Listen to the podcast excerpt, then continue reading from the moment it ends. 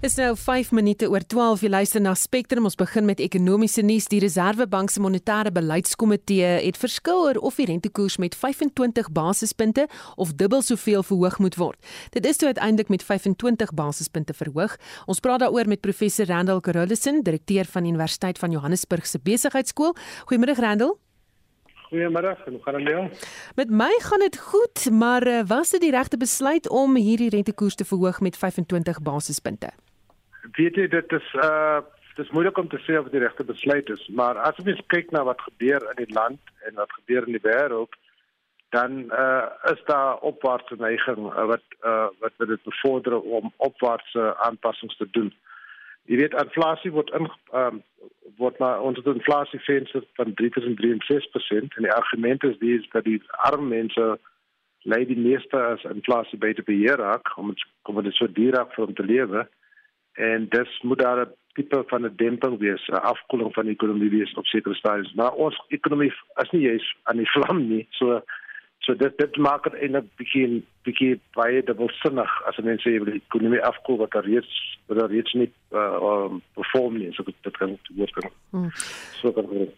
Sê vir my, wat is die implikasies van hierdie verhoging vir die ekonomie? Gaan dit enigsins groei stimuleer? Nee, dit gaan nie groei stimuleer nie. Wat dit miskien kan doen is om miskien 'n uh, invoere en investering te bevorder op 'n manier.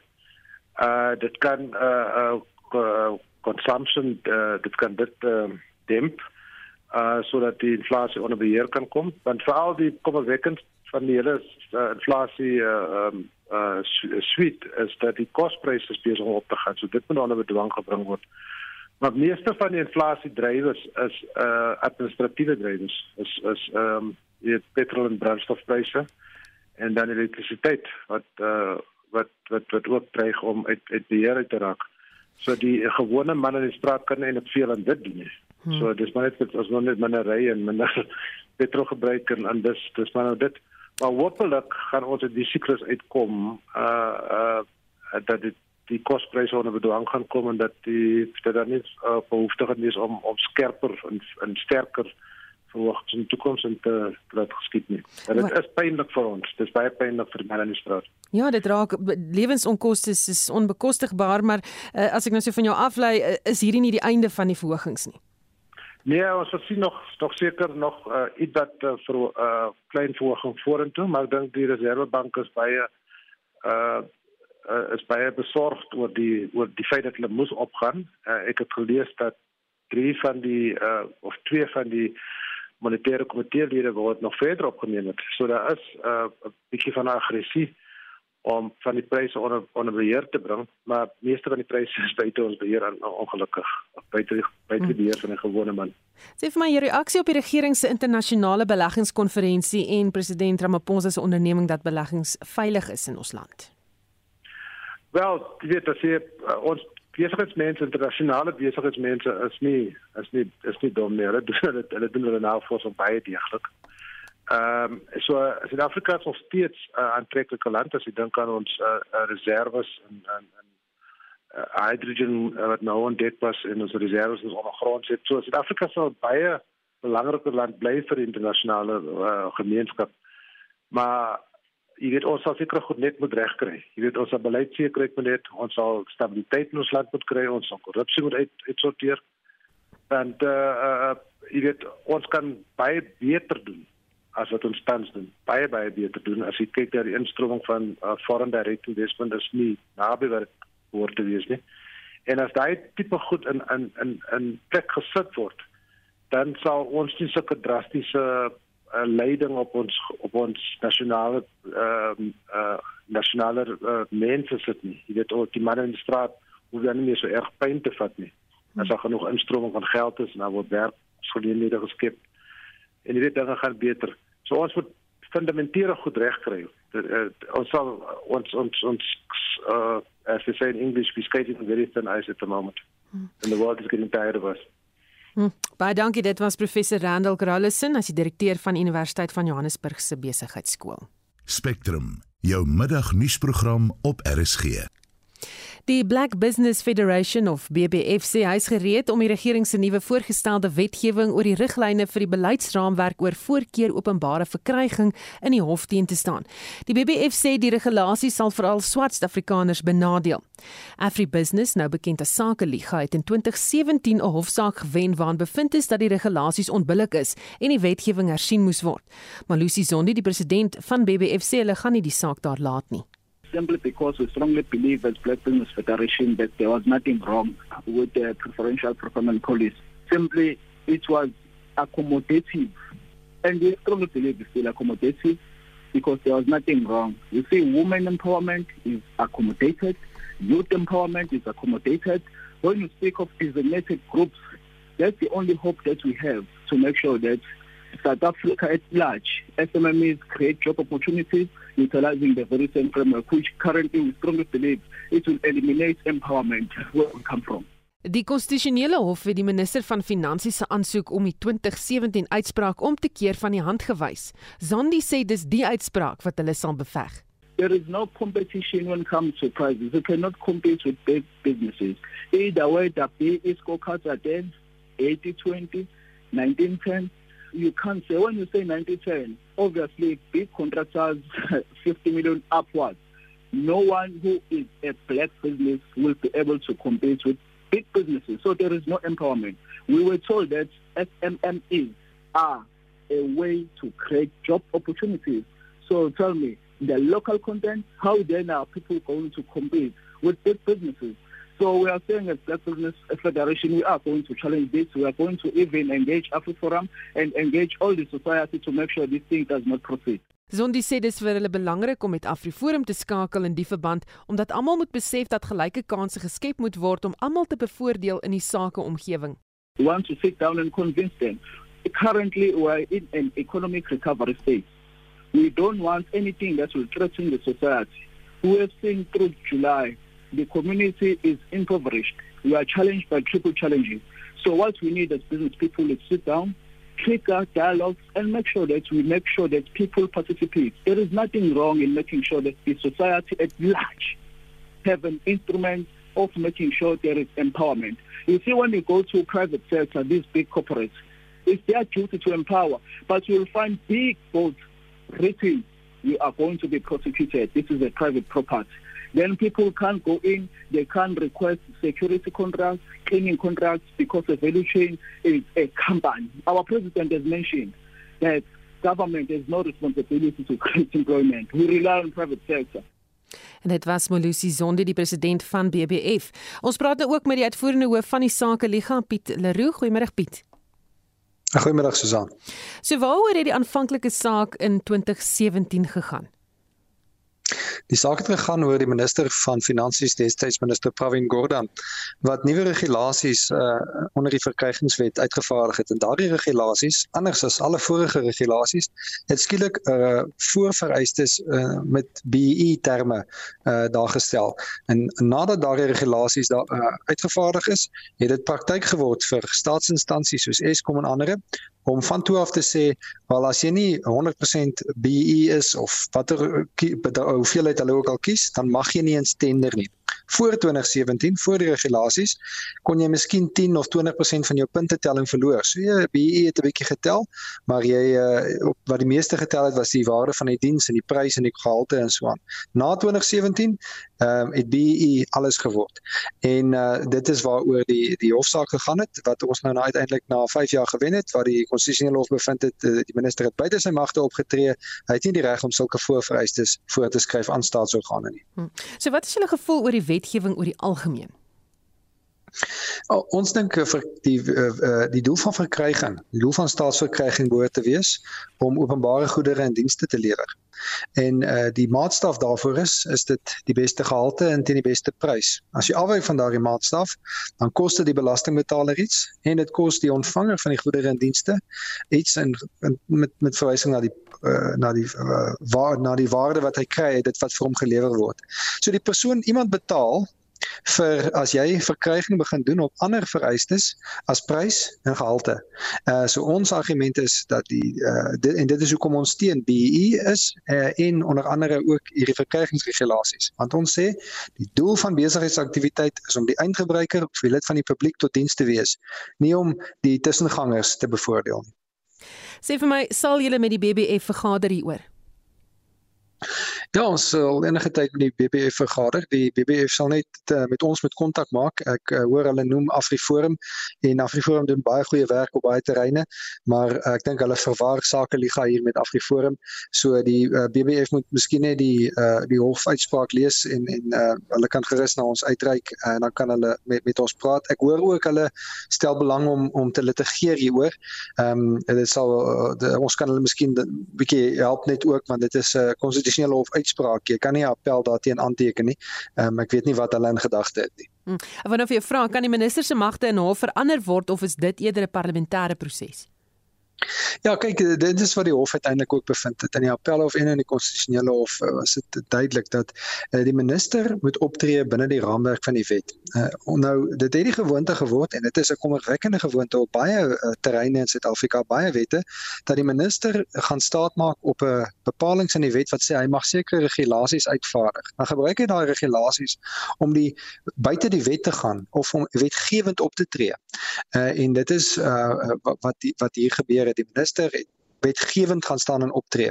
Dit is 'n kommerwekkende tendens wat ons uh, wat ons sien en uh, die die rol vir wetgewing, uh, die die plek waar dit geskep moet word is die parlement. Uh, die parlement het prosesse om uh, op, wat en dit die doel is om te keer dat verkeerde wette gemaak word. Dit beteken nie alle wette is reg nie, maar ten minste is daar prosesse wat gevolg moet word. Die terrein van wetgewing is nie die terrein van ministers nie. Hulle is uitvoerders en hulle behoort beperk te word deur wette. Hulle het behoort nie die mag te hê om hulle eie wetgewende uh reëls te stel nie. Baie dankie. Dit was die uitvoerende hoof van die Sakeliga, Piet Leroux. Die Verenigde Nasies se algemene vergadering het Suid-Afrika se konsepresolusie oor humanitêre behoeftes in Oekraïne verwerp. Suid-Afrika se konsepresolusie het slegs gefokus op humanitêre kwessies in Oekraïne en het geen melding gemaak daarvan dat Rusland die oorsaak is nie.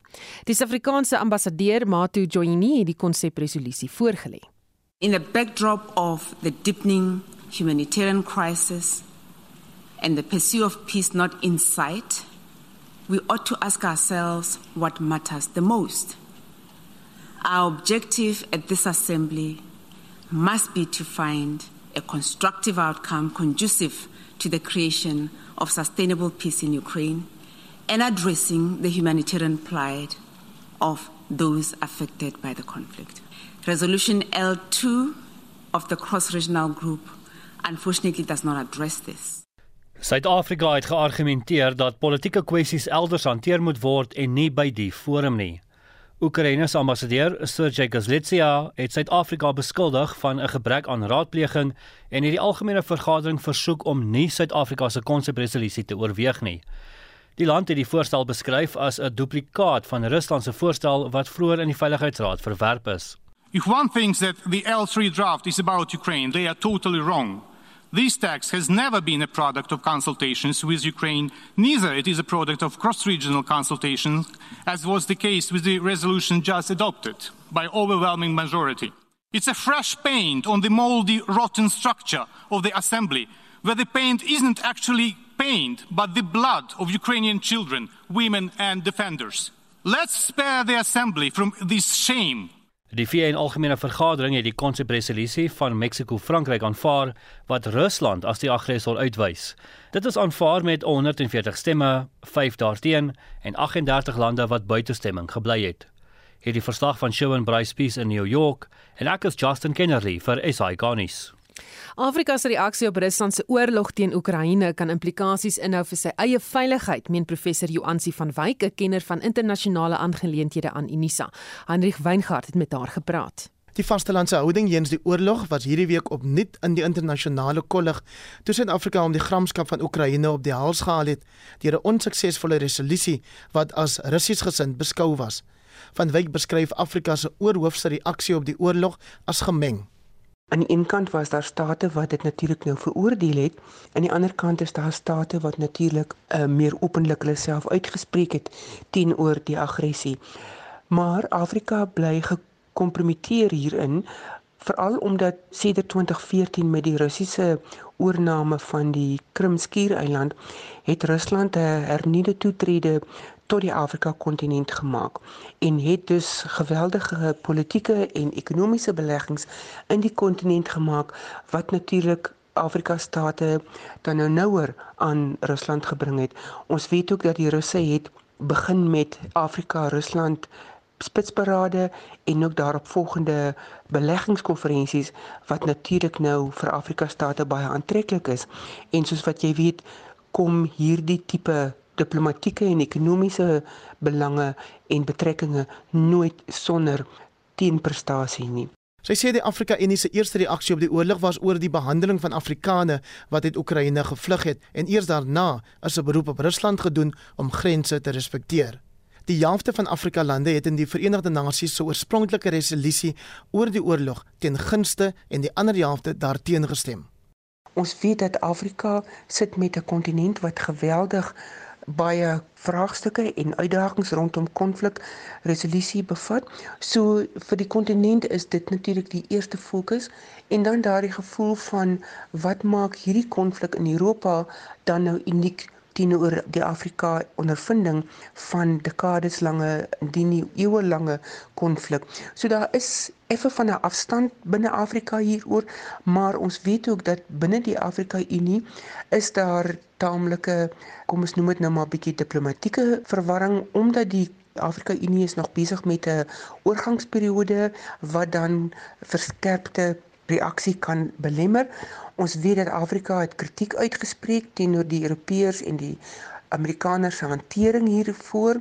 Daar is natuurlik ook hierdie groot nostalgie by baie Afrika lande rondom die Sowjet era se ondersteuning van die bevryding en ons weet ook dan 'n ander verskil is dat daar is geen sanksies nog in Afrika teen Rusland ingestel nie. Van Wyk sê hoewel Suid-Afrika homself in 'n leiersposisie bevind deur die indiening van 'n resolusie en ander rolle, word hy nie noodwendig geloof vir die leiding wat hy gee nie.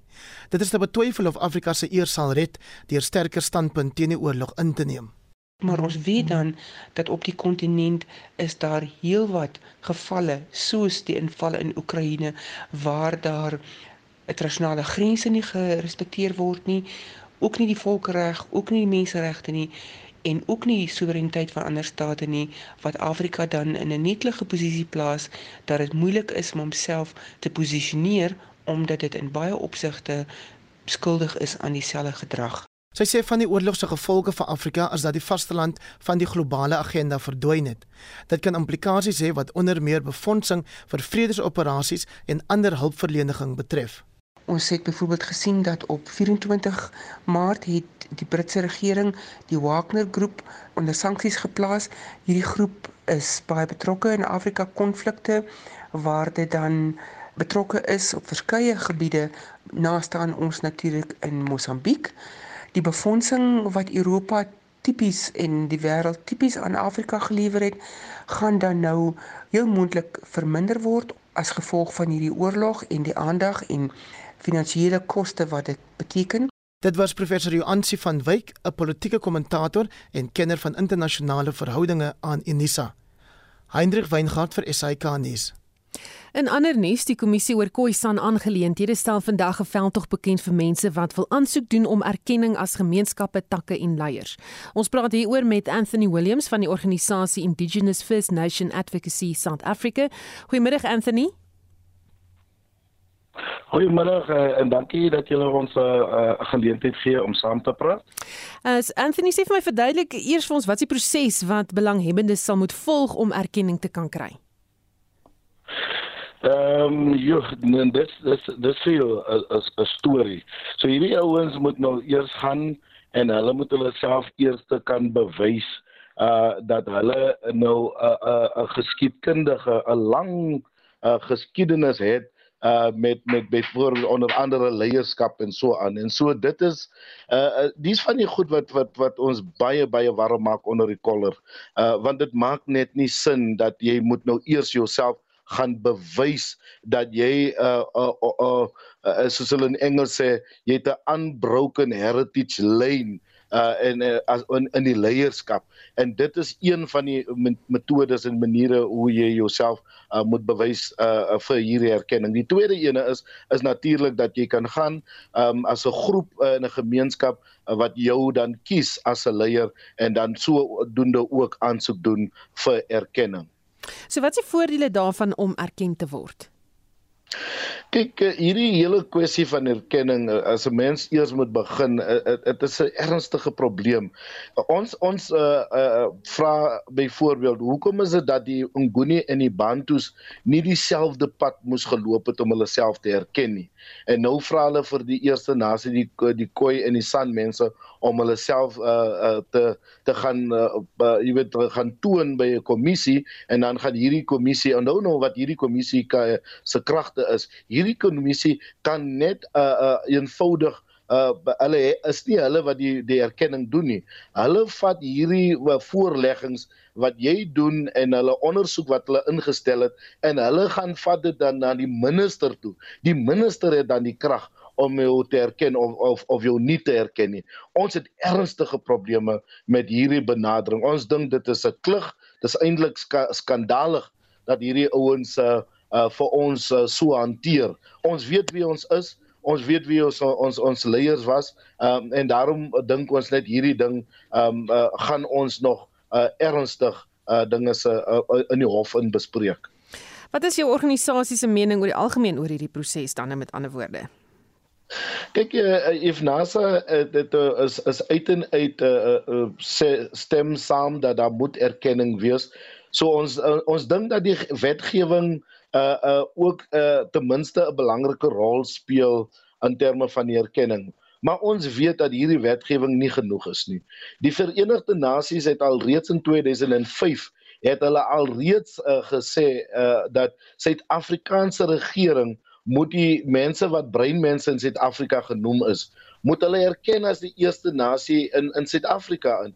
En die erkenning moet kom eh, 'n uh, grondwetlike erkenning is. Wat hierdie regering doen, hulle wil nie vir ons 'n grondwetlike erkenning gee nie. Toe kom hulle met hierdie klein wetgewingkie gou vinnig vinnig in om vir ons te sê nou word ons erken. Hierdie ding is on is onvoldoende. Daar is 'n manier dat ons uh, uh, gelukkig is oor hierdie tipe skandalige erkenning nie.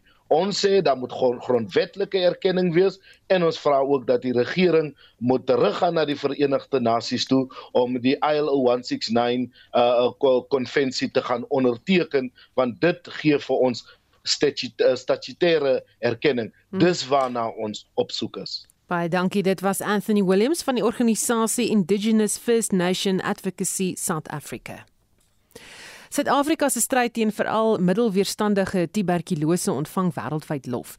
Die behandelingstydperk hier is korter as in ander lande waar toegang tot die jongste medikasie deur wetgewing oor patente reg bemoeilik word. Tog gebeur dit dat Suid-Afrikaners nie end uit volhard met hulle behandeling nie. Dr Lee Reinout, 'n kliniese sielkundige, het die verskynsel in haar doktorsgraad aan Universiteit Stellenbosch ondersoek. Essentially what my research showed is that it doesn't matter. It's not about gender. It's not about language. What it comes down to is that my studies showed that people who had high concerns about the harm of tuberculosis treatment who were using alcohol and drugs and people who were suffering with symptoms of depression they all really struggled to take treatment people who had meaningful occupation, either through jobs or through studies, were more adherent to treatment. Haar navorsingsvrae aan 175 pasiënte is geskoei op 'n gesondheidsbeskouingsmodel. Die antwoorde wat sy ontvang het, toon dat 'n kopskuif gemaak moet word in die manier hoe daaroor behandeling vir die siekte gepraat word. If they perceive that there are great benefits for using treatment and not many barriers in their way, in an environment where there are cues to action, and that they've got the belief within themselves that they can take treatment, that's going to have an impact on adherence. Using something like the specialized tuberculosis health belief scale can help us to then target interventions at their level and what they need. Sy het ook 'n model ontwikkel wat gesondheidspraktisyns kan help om te bepaal of 'n pasiënt getrou bly aan die voorgeskrewe behandeling sodat uitdagings in die verband doeltreffend hanteer kan word. Adherence overall has not been given sufficient attention. We've looked at how do we reduce barriers to treatment? Yes. But, you know, perhaps there hasn't been enough looking at individuals. What are their struggles? What are their beliefs? And how can we help them to take their treatment Vir baie TB-leiers, veral die wat 'n stryd voer teen meervoudige middelweerstandige TB, is die stryd teen die siekte sielkundig uitmergelend wat moontlik kan lei tot 'n gebrek aan belangstelling om getrou te bly wat behandeling betref. 'n Getekende benadering soos wat Lee voorstel, is is van kardinale belang en kan ook deur lede van die publiek gevolg word. One of the biggest aspects is, you know, not to stigmatize to encourage, to share that taking your treatment is, in fact, going to assist you. And if somebody that you know is taking TB treatment, ask, How can I help? To remind you to take the treatment. Will it be helpful if I accompany you to clinic appointments? And be aware that there are symptoms of depression that may be evident. Provide care, provide support. And definitely, if you recognize that, you know, there's alcohol or drug use, try to get them assistance. Dit was Dr. Lee Reinhardt, 'n kliniese sielkundige wat onlangs haar doktorsgraad in sielkunde aan die Universiteit Stellenbosch behaal het. Marlene Forsie is hy gonies.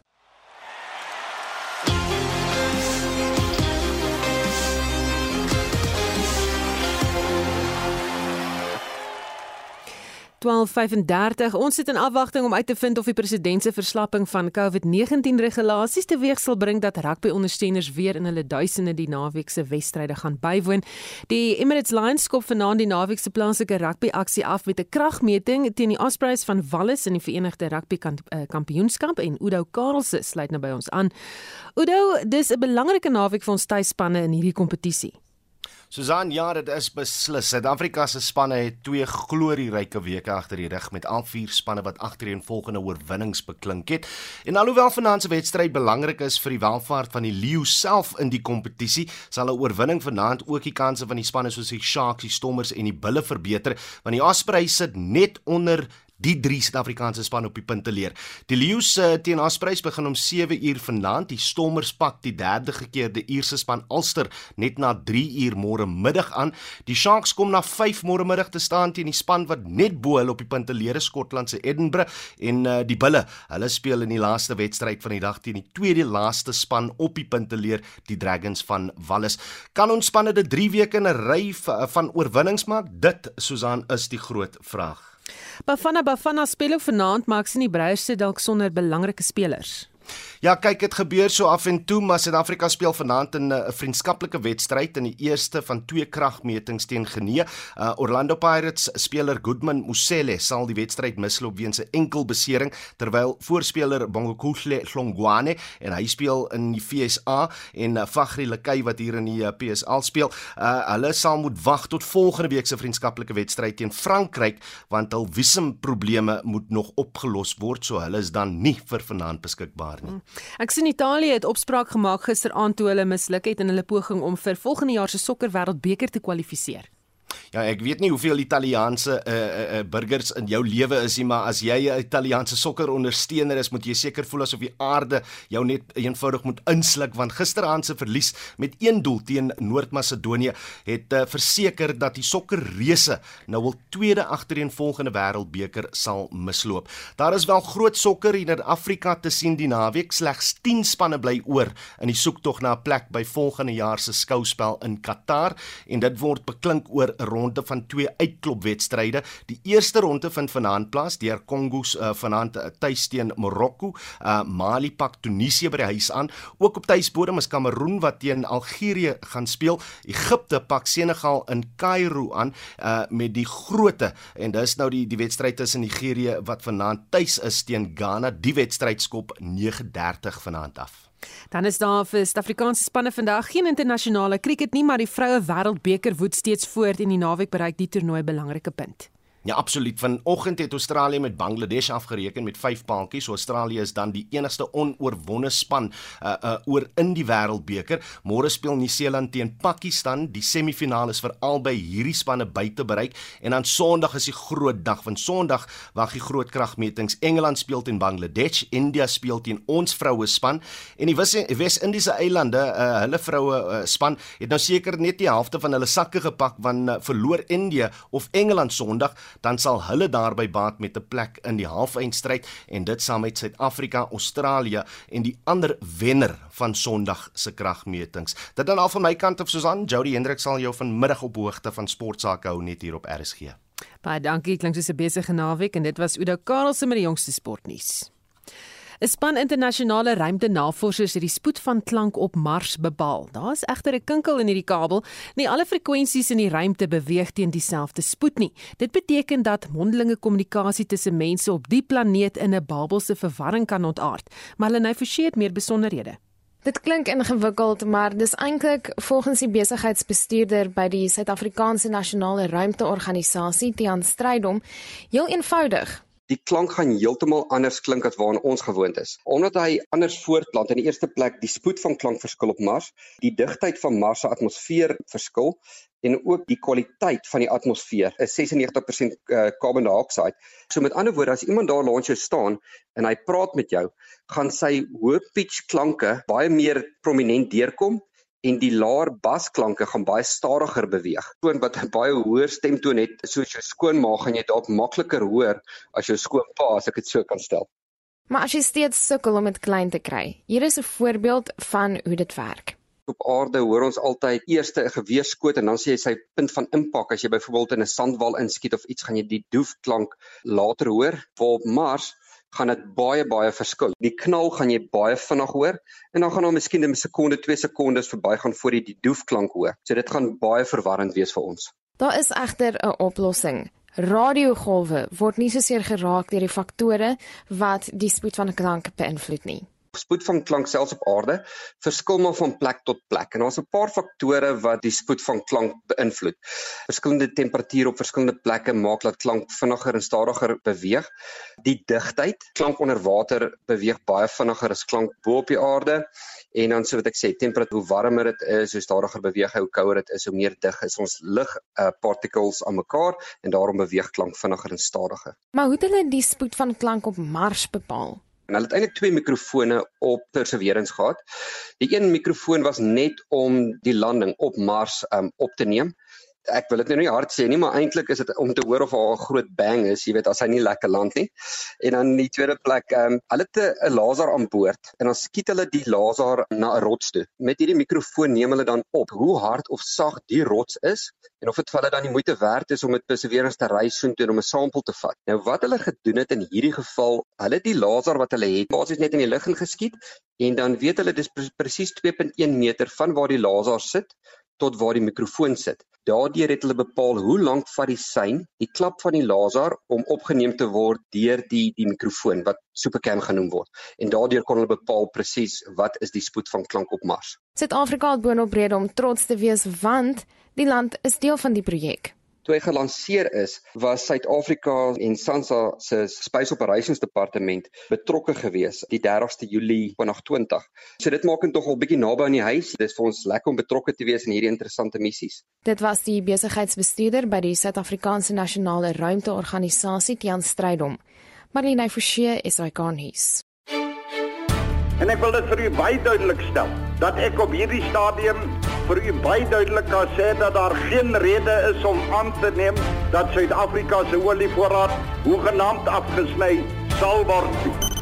The Battle of the Falklands was a remarkable military operation, boldly planned, bravely executed and brilliantly accomplished. Die veiligheidspolisieman oorkant hom word al witter en witter en witter.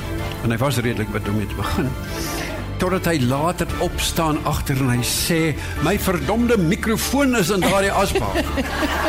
en dan sê oor kon dit meer hou nie. Wat het John Foster, Margaret Thatcher en Andre P Brink met mekaar in gemeen? Luister na Naweek af Chill op 2 April. SAK nuus, onafhanklik, onpartydig.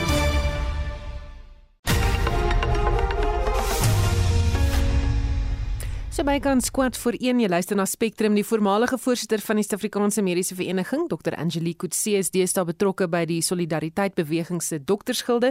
Sy was onlangs in die nuus na sy geforseer is om te bedank by die Mediese Vereniging en ons praat nou met haar. Goeiemôre Angelique. Goeiemôre Susan en 'n goeiemôre aan al jou luisteraars daar buite. Sê vir my wat is jou spesifieke rol by hierdie gilde? Dit is baie interessant. Ehm um, die die die mediese aspek die die doktersgedeelte ehm um, was redelik uh ehm um, dormant as ek dit so kan sê en maar alhoewel daar baie mense uh, uit verskillende van die aptekers, die verpleegkundiges en dokters wel aan hulle dokters of aan hulle mediese gilde behoort. En ons het nou ehm um, die gesien dat daar is 'n behoefte om die mediese aspek wat vir veral vir dokters en dan wat dan ook vir pasiënte in die land uh, 'n probleem kan wees om daar uh dit aan te spreek deur hierdie spreekbuis wat ons nou vorm um onder die doktersgilde um as deel van solidariteit en um en dan aan te gaan met die probleme wat ons weet wat daar buitekant is. En ek moet sê ek vind solidariteit op hierdie stadium baie tegemoetkomend en hulle en ek dink hulle verstaan dat daar is groot probleme in die mediese bedryf en ons kan nie net weg sit, stil sit en stil bly en maak asof dit nie daar is nie en jy weet dat politiek ons ons monde snoer nie. Wat sê aan mense wat vra of jy die gilde nou as 'n teenvoeter vir die mediese vereniging wil gebruik? Wel, ek kyk nie so daarna nie. Ek kyk na waar waar kan ek 'n huis kry waarby ek gemaklik is en wat ehm um, dan ook die die werk sal help doen. Want dan ek alleen kan nie die werk doen nie en ehm um, so ek het ook ander kollegas wat deel is daar's 'n span in solidariteit en ons gaan net aan. Ehm um, jy weet jy is wel, die ouens is welkom om om die die dokters gilde ehm um, weet deel te word daarvan as ons nou weet soos ons vroeër gaan en as ons kan bewys dat ons wel iets kan iets kan doen om die saak vir ons land vir alle dokters. Want hierdie hierdie is nie net vir wit dokters nie. Hierdie is vir alle dokters. Ons um, as ons beklei soos wat solidariteit het nou die sertifikaat van van ehm um, need dis ongelukkig die Engelse woord wat ons almal in die dokters daar buite weet as ek sê kon waarvan ek praat. Solidariteit het dit nou lyk vir my redelik goed beveg. So ons sal sien wat die hofuitspraak gaan wees. Mag waarskynlik in solidariteit se guns wees. Dis goed wat vir ons 'n groot probleem is as dokters. En as en as ons kan hierdie goed kan kan regkry, dan is dokters welkom om te sien ons doen iets.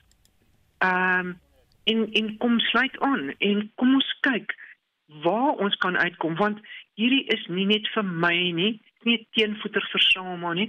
Dis om die probleme daar buite aan te spreek. Ek is te oud om te immigreer. Ek bly net hier. Ek het kinders in die land. Ek wil nie hê my kinders moet immigreer nie.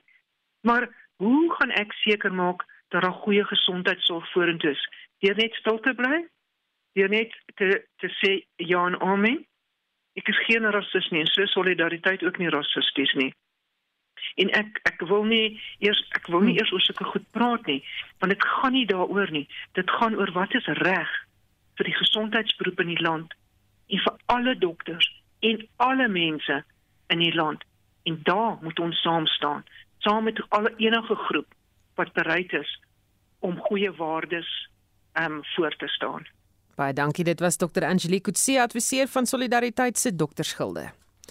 'n Man is tot 10 dae tronkstraf gevonnis deur die Johannesburgse Hooggeregshof omdat hy nie sy agterstallige onderhoud van meer as 86000 rand wou betaal nie.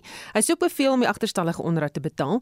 Die familieregprokureur Shando Tron van Tron ingelyf sê dit is hoogtyd dat howe swaarder vonnisse oplê aan mense wat die hof om die bos probeer lei en wat nie onderhoud betaal nie onlangse hofsaak in die Johannesburgse hof en dis nou waar 'n paar periodieke gevangenisstraf opgelê is omdat hy vir 2 jaar nie onderhoud betaal het nie en hy moet vir 10 dae lank tronk toe gaan. Nou dis 'n baie baie goeie ding. Ek en jy het al voorheen hieroor gepraat oor periodieke gevangenisstraf.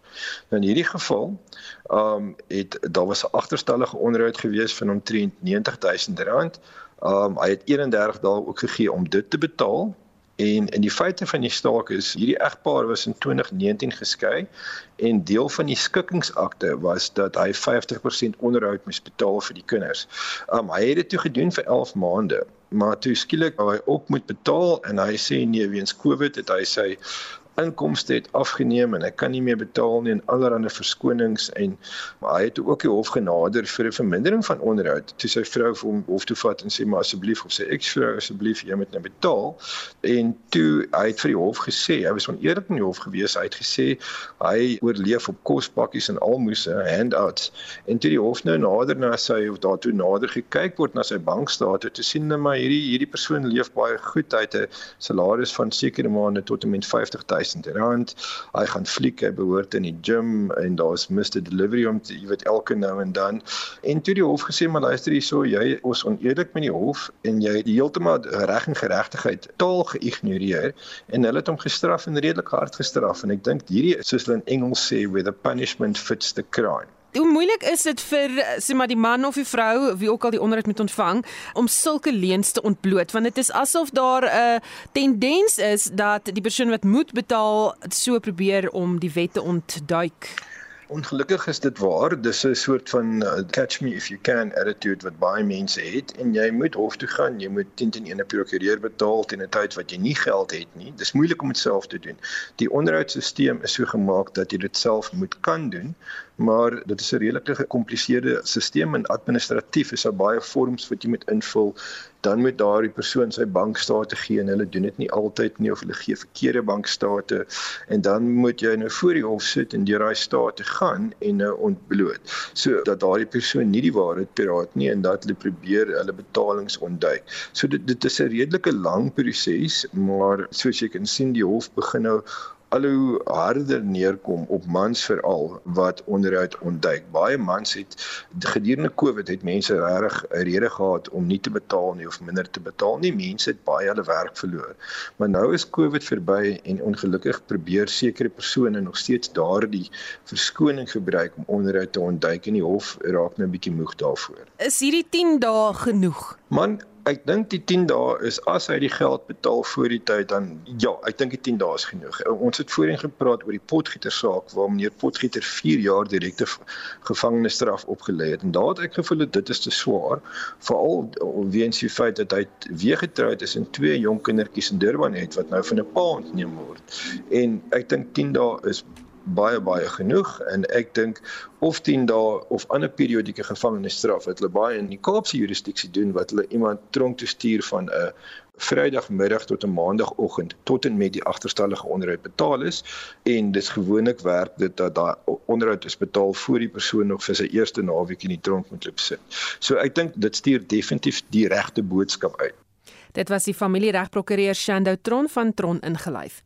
Sondag is Wêreldteaterdag en die teaterresensent Frans Swart sê dit word op eie bodem ook gevier.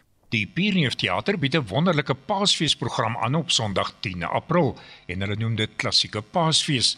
Die tenor Stefan Lou, bariton Werner van Koller en die basbariton Corneel Kalitz gaan optree. Hulle gaan gewyde musiek sing uit die oratorias en ander gewyde musiekstukke. Sandra Prinsloo te sien in Kampoer op die op die water kunstefees van 4 tot 8 April. Kampoer vertel die mees sleurende verhaal van die 18-jarige Susan Nel wat tydens die Anglo-Boereoorlog deur twee kakies en 'n jonner verkragt word. Die regie word hanteer deur die bekroonde Lara Voet. Dit gaan oor 'n jong meisie, Susan Nel, wat in die oorlog, die Anglo-Boereoorlog, nie net haar pa verloor nie, maar in die konsentrasiekamp beland en haar ma en haar broers verloor. En dan het sy iemand beroep, vriend met iemand 'n vriendin Alice en die word baie siek en as sy nou uitkom te gaan medisyne soek eintlik was daar nou so wat ons weer goed weet van aand prokureur wat die aand reël daar in die soldaat vang haar en sy word breed verkrag en oor die kop geslaan met 'n whiskybottel en sy dood agtergelaat. Sy val egter van die lijksbaar af en word deur twee swart mense, twee soet het sê hulle maar wel versorg uiteindelik gaan sy sy dan op die, in die Kaap en sy uh, gaan Holland toe en word psigiatriese verpleegster.